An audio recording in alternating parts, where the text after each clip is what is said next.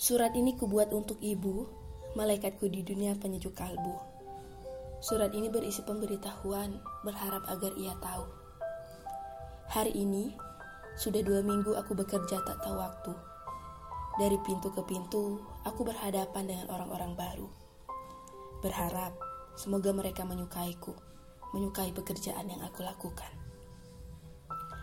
Aku belajar membagi waktu antara perkuliahan dan pekerjaan. Belajar mencari tanpa harus menangis lagi padamu. Mungkin yang tersirat di pikiranmu saat ini adalah apakah pemberianmu tak pernah cukup untukku? Bukan itu. Sebab manusia selalu berubah saat dihadapkan dengan uang. Bukan lagi nominal yang aku cari, Bu. Aku menemukan kenikmatan saat hidupku habis di jalanan. Menikmati hiruk pikuk kendaraan, menjadi saksi waktu yang berjalan. Hingga malam terlewatkan di warung kopi langganan. Sekarang, pulang larut malamku punya arti. Tersirat makna bahwa aku masih berguna. Surat ini kubuat saat pergiku sebelum bekerja.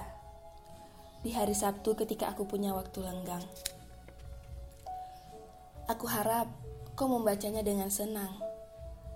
Sebab anakmu sudah besar dan bisa berjuang.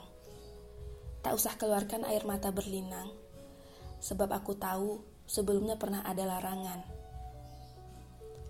Doakan aku sehat terus, Bu, agar sanggup menopang tubuh yang kian hari kian tak terurus.